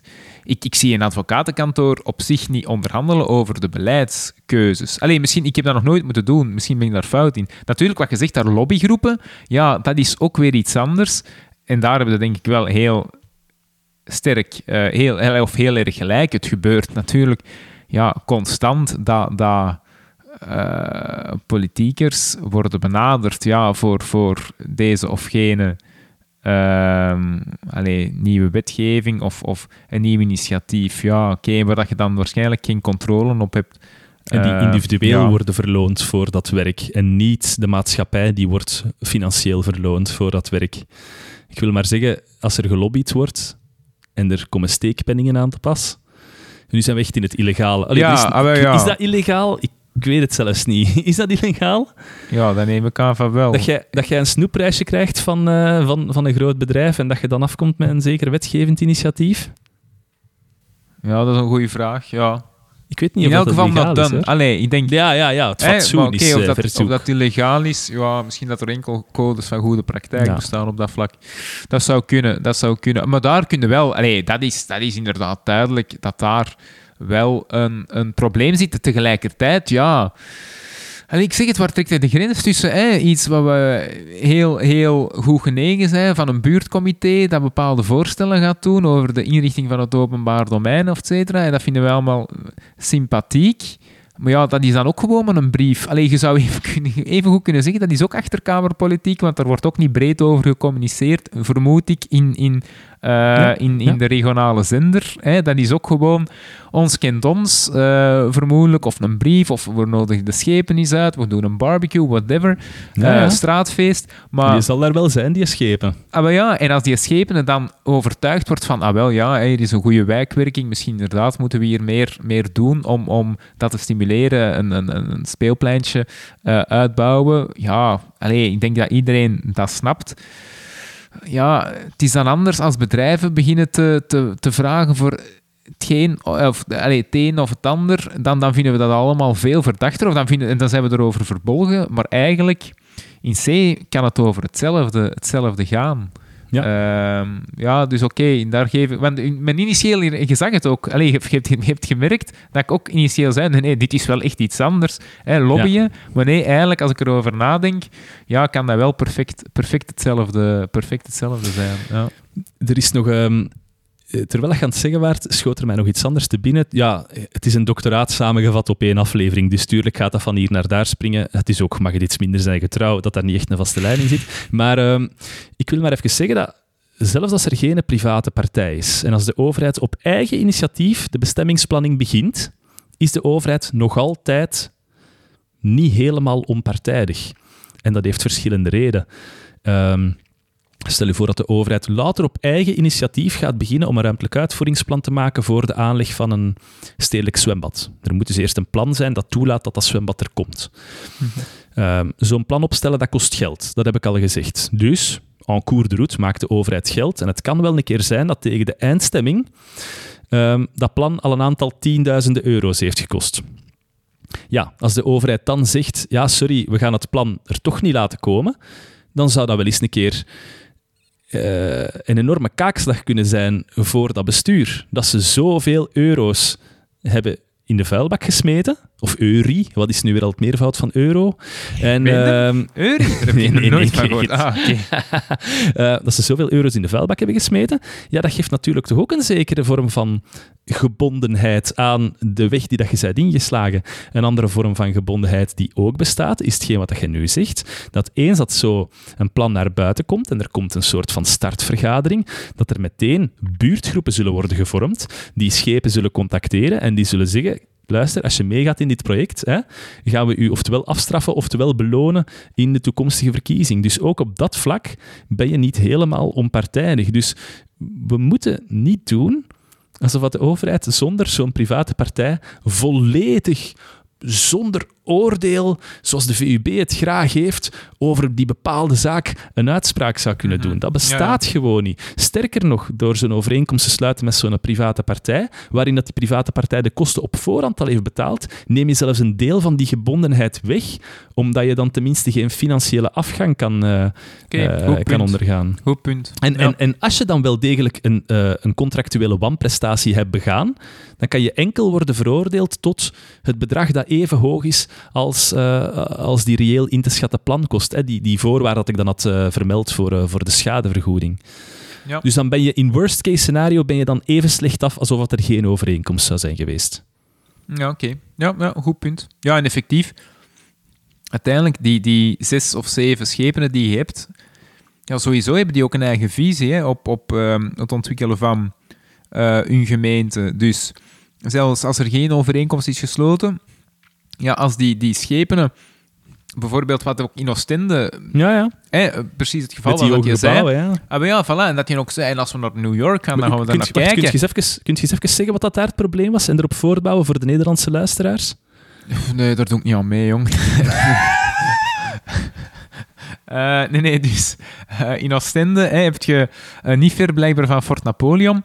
Eh, dus een fort dat nog door Napoleon is gezet eh, om... om ja, vermoed- Napoleon. Voor Napoleon, om de invasie van, van de eh, Britten eh, tegen te gaan. Ehm, niet ver daar vandaan heb je aan de haven, denk ik, dus een site waar daar nog bebouwingsmogelijkheden waren, of er daar oude woningen stonden, dat weet ik nu niet. Maar dus men gaat daar woontorens realiseren en, en niet woontorens van vijf verdiepingen, maar hè, ik, wil- ik, ik wil het kwijt zijn, maar het is, het is 50 verdiepingen, of allee, ik denk dat over de Hola. 100 meter hè, gaat het worden. Of. 42, of misschien dat 42 verdiepingen waren, maar alleszins, dus het, het wordt ruim boven de 100 meter worden die ehm, woontorens, wat natuurlijk bij de lokale Oostendenaar, die er dan misschien al jaren woont, ja, zo gaat het dan natuurlijk. Hè. Ja, eh, dat Ja. is iets, iets vreemd. Er gaan allemaal nieuwe mensen in komen. Allemaal in die, wat, wat dan natuurlijk nog veel minder sympathiek maakt. Dat begrijp ik ook ergens. Dat gaan rijke mensen zijn, waar dat we allemaal iets tegen hebben. Eh, al dan niet terecht. Eh, het- het- de, de, de projectontwikkelaar is degene hè, met zijn horloge dat gepikt is van 300.000 euro. Dat zijn allemaal ja, ja, dingen, ja, dat maakt je niet sympathiek. Het is de Richard Eh, Mill. Ja, jij kent er uiteindelijk uiteraard alles van.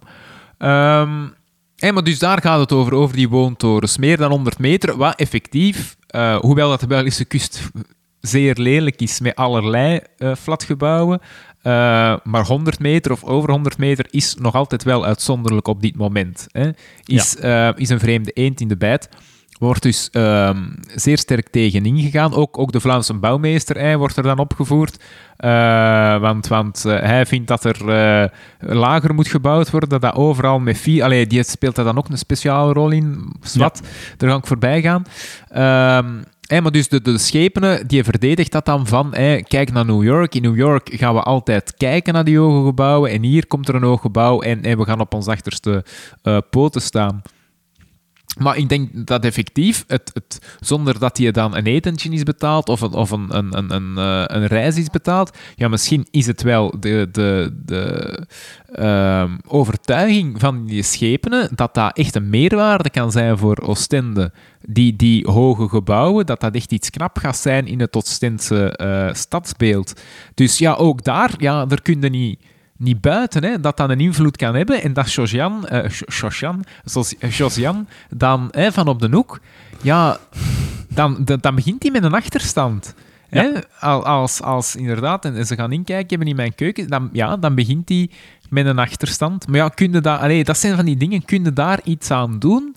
Dat er een Dat zekere inherent vooringenomenheid- aan Ja, voilà. De, voilà. de hebt- procedures. je hebt, ja, je hebt, een, je hebt een stadsbestuur en... en Allee, natuurlijk eh, kun je daar iets aan doen, ja, want je hebt controlemechanismen. Er wordt dan een vergunning toegekend. Je kunt dan eh, eigenlijk naar een tweede bestuur, een hoger bestuur gaan en dan kun je nog eens naar de rechter. Dus als je dat allemaal niet goed gemotiveerd hebt, eh, als, je, als je niet geantwoord hebt op, op, op de opmerkingen van, eh van Josian, dan, dan oké, je, heb je wel argumenten in het verdere verloop van de procedure, gaat misschien de vergunning vernietigd worden. Dus dat, dat wel, maar op zich, ja, dat er dat een bestuur eh, beleid wenst te voeren en dat zij een idee hebben over de invulling van het algemeen belang, ja, daar kun je, daar kun niks, eh, niks aan doen. Hè. Nee, nee. Ehm, je zei daarnet dat Josian de mogelijkheid moet hebben om daarop te reageren. Eh, en dat is waar, maar Josian moet ook kunnen reageren op het bestaan van zijn overeenkomst. En zou ook moeten zeggen van, ja, wow, ik ken die gast, ik ken die projectontwikkelaar. Ehm, en, al ja, dat zint mij niet. Die moet daar opmerkingen over kunnen geven. Uiteraard, dat vinden we allemaal. Ja, dan moet Josian natuurlijk wel kennis hebben van het feit dat zijn overeenkomst bestaat. En op dit moment worden die overeenkomsten niet gecommuniceerd. Hè? Daar mogen we zeker van zijn. Uh, dat vinden niet terug. Als je kijkt naar de beslissingen van... Uh, van het college of van de gemeenteraad, van verschillende gemeentes. Je moet dan een keer gaan kijken op de website. Sommige zijn heel uitgebreid en andere zijn echt heel erg beperkt. Hè. Dat er gewoon staat vergunningsaanvraag, vergunningsaanvraag, hè. Vijf, vijf lijntjes onder elkaar, vergunningsaanvraag. Ja, daar weten natuurlijk helemaal niks mee wat er daar is beslist. Maar dus um, moet er op het moment van de, van de startbijeenkomst, zo'n startvergadering, in het begin van elke planning moet er zo'n vergadering zijn, uh, en op het moment van het openbaar onderzoek moeten die uh, bewoners kennis krijgen van het feit dat er zo'n overeenkomst bestaat. Dat is essentieel vind ik, als je werkt met Mhm. zo'n overeenkomst. En, Ja. niet enkel dat, we moeten ook lessen leren uit Nederland. Hè. In Nederland zeggen ze, als je dan toch met zo'n overeenkomst werkt, moet je in je besluitvorming ten eerste zeggen dat zo'n overeenkomst bestaat, welke verbindenis dat erin staat en op welke ma- manier dat die hebben meegewogen. Hè. Bijvoorbeeld Josiane Arnien kijkt tegenover het feit dat je contractueel hebt afgesproken om eh, een appartementsgebouw eventueel mogelijk te maken. Ja, je moet die wel tegenover elkaar kunnen afwegen. Dat moet daarin staan.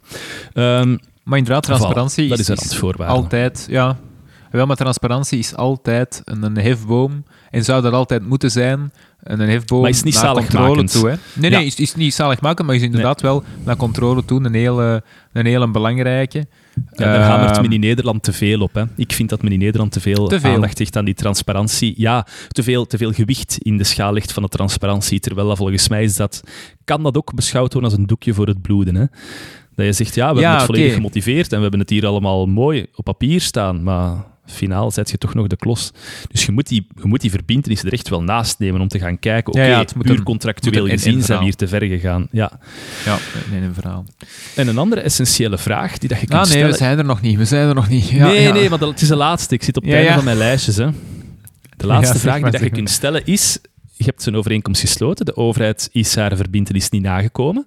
En er wordt gesproken over een schadevergoeding, maar kan die contractspartij van de overheid ook niet naar de rechter gaan en zeggen ik heb hier een, eh, ik heb hier een recht op zo'n bestemmingswijziging? Mhm. Kan die dan niet gaan afdwingen bij een rechter? Ja. En het eerste wat dat gezegd is, ja, als het een inspanningsverbintenis is, dan gaat die rechter enkel kunnen zeggen van, ja, overheid, doe het opnieuw. Probeer het Mhm. best opnieuw te doen. Pik het op van waar dat je het hebt laten vallen. Hè? En dan zien we Ja. dan wel. Maar zelfs al zou het een resultaatsverbintenis zijn, zelfs al zou de overheid gezegd hebben, ja, wij beloven dat dat bestemmingsplan er komt, wat dat dus niet geldig is. Hè? Maar in dat hypothetische geval heb je nog altijd de uitzondering dat de rechter een overheid niet kan verplichten om iets te Ja, doen voilà. wat dat in strijd is met het algemeen belang. Het is geen regel, maar dat is gewoon een, een praktijk in de rechtspraak, dat er wordt gezegd, ja, oké, maar de overheid moet Ja, die altijd handelen in het algemeen belang en wij kunnen u niet verplichten om iets te doen wat dat jij zelf niet in, in Ah, overeenstemming ja, vindt met het algemeen belang. Het gaat toch eh, nog een stap eerder eh, spaak lopen. Ze kunnen gewoon geen uitspraak doen over het algemeen belang. Dus Allee, of dat het nu tegen het algemeen belang of voor het algemeen belang, ja, ze mogen dat gewoon niet. Ze hebben daar geen zaken mee. Ze kunnen een overheid niet, niet verplichten tot, tot van die objectieve reglementering, Allee, of, of dus wetgeving. Ja. Om dat te maken of niet te maken, ja, da- daar spreekt een rechter zich gewoon... Allee, of mag een rechter zich gewoon in het kader van de scheiding er er niet over uitspreken. Nee, nee, het is dat. Dus voilà. En dit allemaal in het achterhoofd genomen, gehouden. PG. Gaat mij nu vragen of dat ik eh, vind dat mijn maandagavond goed gespendeerd is? Want ik, ik had ook naar een aflevering van Breaking Bad kunnen zien. Daar ga ik van ik Breaking daar- Bad. Hey, Ik- welkom in 2003, hè, vriend. Ja, ik, weet- ik weet het. Ja. ja, ik ben er pas recent nog in. Zijn ze, bang dat je de spoilers gaat missen? Ja, ja oké, ik ben die een hype wat, wat eh, ja, die is mij gepasseerd, maar ik, eh, ik ben nu aan het eerste seizoen bezig. Prison Break Anthem, Prison Break Anthem. ah nee, het is Breaking Bad. Sorry. Oh. Ja. En ik dacht Nee, dat je Bri- mij aan het uitlachen waard over, dat is ook een oude serie. Dat is ook Ja. een oude serie. Ja, ja, ja, ja, nee, nee, maar ik, eh, als ik moest kiezen, ik zou sowieso voor deze podcast eh, kiezen. eh. Ja, maar dat was de vraag niet. Ah, sorry. Nee, wat ging De vraag was... ehm jij zet schepen ja? voor, voor ruimtelijke ordening in waar district? Nee, nee, doe maar Merchtem. Doe maar Merchtem. In Merchtem. En ehm, ja, er komt een projectontwikkelaar eh, naar u, Vereniging Elpers. Eh wildvreemde naam die niks Tja. gezien heeft Hè? quote non. Hè? Eh, en die zegt, ja, ehm, eh, dat stukje landbouwgebied, hè, we zouden daar toch eventueel eh, appartementsgebouwen willen zetten met wat sociale woningen. Nee, pak dat je in een Hollandse gemeente woont en dat gebeurt hier. Hè? Er komt iemand naar u en die vraagt, kunnen we hier wat woningen zetten? Zou jij er ethisch gezien bezwaren bij hebben bij het gebruik van zo'n overeenkomst, gelet op wat we nu allemaal hebben gezien? Nee. Nee. Nee. Nee, nee, nee. Eh, daar hebben we mij nu van overtuigd dat dat op zich geen enkel, eh, geen enkel probleem hoeft te zijn. Als je daar maar transparant in bent. Effectief, ja, het bekijkt ook. Wat, wat, wat heb je nodig als gemeente? Dat, want oké, als je op voorhand weet... eh, het is met een meug niet, of, of we kunnen het niet gebruiken, of we hebben al veel te veel woningen, of wat Ja, ja, ja. Allee, Ja. Hè, uiteraard. Dan, dan moet er niet aan- Uiteraard niet. daar moet er niet aan beginnen. Nee. Maar op zich, eh, nee, eh, zie, ik, zie ik ja, nu echt wel de meerwaarde van, ehm, eh, van, van zo'n instrument eh, in. Ook omdat je, zoals gezegd, het gebeurt uiteindelijk toch, of het moet op een bepaalde manier gebeuren. Eh, anders gebeurt het misschien in achterkamertjes, of, of, of draait gewoon de, de belastingbetaler ervoor op. Dit is een perfect instrument om eigenlijk een, wat van die kosten. Hoe, ge- we, we zijn er allemaal over eens dat de baten sowieso disproportioneel ten goede gaan komen aan één Ja. partij. Dan lijkt het mij ook ehm, logisch dat, dat de, kosten ehm, ja, disproportioneel dan op één partij gaan eh, liggen en niet, niet uitgesmeerd Ja. worden over de belastingbetaler. Nee, dus nee, ik ben, eh, ik ben eigenlijk... Allee, ik heb het voor de eerste keer echt, eh, echt begrepen, denk ik. En ik ben er voor Ah, de ja. eerste keer echt van... Ik, ik ben ook naar de doctoraatsverdediging geweest, maar dan heb Ja, ik ook op mijn gsm Dat gezeten. gaat niet, hè, dat was, ja, nee, dat weet ik. Maar dat is ook. 20 minuten en dat is dan zo warm en stoffig. En, nee, maar dus ehm, het, het, het instrument zelf begrijpen we nu. We, we moeten gewoon, en ik denk dat jij dat ook hebt gezegd, dat is het uitgangspunt enkel als het in overeenstemming is met het algemeen belang. Anders, hè, gelijk als met dat kantoorgebouw daar in Antwerpen, waar er geen nood aan was, dan ga je gewoon olie op het vuur smijten. Ten eerste moet je beleidsmatig niet in meestappen in zo'n verhaal en al zeker niet met zo'n overeenkomst. Want ja, Ja. het is door zo van die projecten dat die overeenkomst een slechte naam krijgt natuurlijk. Ja, ja, voilà, voilà. Blijft natuurlijk de vraag, wat is het algemeen belang? Ja, oké. Het, het, blijft, het blijft moeilijk, hè. Maar Ik denk dat het bij Essers makkelijker is uit te leggen dan bij een kantoorgebouw in het centrum van Antwerpen. ja, ja misschien wel. Misschien, godverdikke, hadden we dit gesprek nu zes jaar eerder, eerder gehad, hè? Dat ik mijn doctoraat, rakka, Rakka. zo Ja, uit zo de schuif het. kunnen halen. Zo is het altijd. Hè. Wat zouden we met die zes jaar hebben gedaan? Niet veel. Wat hè. zou ik ermee hebben gedaan? Niks, echt niks. Nee, ja, verbouwen, ja. Ja, ja, inderdaad. Molures steken. Ja. Steken. Is het- is het er molures? Hier? Nee. Ja. Nee, nee, nee, nee. Zelfs in Nederland, ja, eh, wat dat hier, wat dat je nu niet ziet, maar heel vaak ehm, in uw betonnen, eh, sorry, uw, uw, uw plafond, dat zijn eigenlijk zo van die beton, betonplaten. En meestal wordt de naad daarvan niet afgewerkt. Dus heb je gewoon eh, een snee eigenlijk in uw plafond van die twee betonplaten dat tegen elkaar komen. Terwijl bij ons worden die altijd mooi afgewerkt. Ja. Ehm, eh, maar hier is het nu wel afgewerkt, maar in veel andere Nederlandse appartementen is dat niet het geval. Ja. ja, ja, ja. Zijn Al ik die genoeg in detail die- gegaan? Al, al die Nederlandse appartementen die je in je leven al hebt bezocht. ja. Nee, nee, nee. ik, heb, eh, ik heb familie wonen in Nederland ja, ook, ja, hè. juist. Dus- ja, ja, Ja. juist, juist. Ja. Een van onze vaste luisteraars is... Ja. is, is eh, ja, heb ik ontmoet. Heb ik ontmoet Voilà. op uw verdediging. Klopt, klopt. Ja, dat was tof. Nee, Goed. Steven. Moeten wij niet... Bad. Als we, als we Ja. een luisteraar hebben die eh, Josian heet, krijgt hij dan geen tas? Ik vind als die haar Eigenlijk wel. identiteitskaart kan sturen en dat is een Josian... Jos, ik kan die naam echt niet uitspreken. Josian. Josian? Josian. Josian. Josian, dan vind ik dat hij een tas, eh een Dan tas krijg je een tas. Ja, Ja. maar ehm, wel, ja, dan gaat je wel een mascotte worden van. Ja, dat wel. Dat moet je er wel bij nemen. Hè? Ja, voilà, voilà. Ja. Ik wil het woord running joke niet in de mond nemen, maar het gaat een mascotte worden. Ja. Maar dat mag, hè? Dat mag, dat is sympathiek. Ja. Dat is sympathiek. Allee, we hebben ons... eh, we hebben ons allee, jij hebt je eigen licht. Ik heb mijn eigen Is het- licht. is ik het- ga dit... eh, Voilà, is, is de boede wat, eh, wat gekalmeerd? Maar het, het, was, het, het was geen woede, want ik moet beleidsmatig dit instrument niet... Ik geen voorvechter zijn van dit instrument. Ik moet gewoon de voorvechter zijn van de nuance. Voilà, voilà. Hey.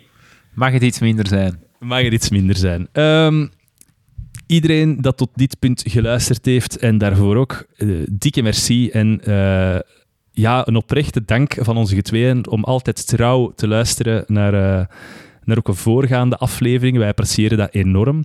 Ehm, mocht je nu denken dat je een aantal vrienden of vriendinnen hebt die dat daar misschien ook graag naar zouden luisteren, al wel, als je ons echt een plezier wilt doen, deel dat gewoon eens met hen. En zegt, luistert hier een keer naar, zo kunnen we alleen maar groeien. En dat is positief. Kunnen we binnen- binnenkort eens beginnen denken aan de financials? Ja. het wordt tijd, het wordt tijd. wordt tijd. Crisis voor iedereen. PG, ik ga u eh, achterlaten met eh, Breaking Bad. En dan zien we u bij een volgende aflevering van Mag het iets minder zijn. Ciao. Ciao.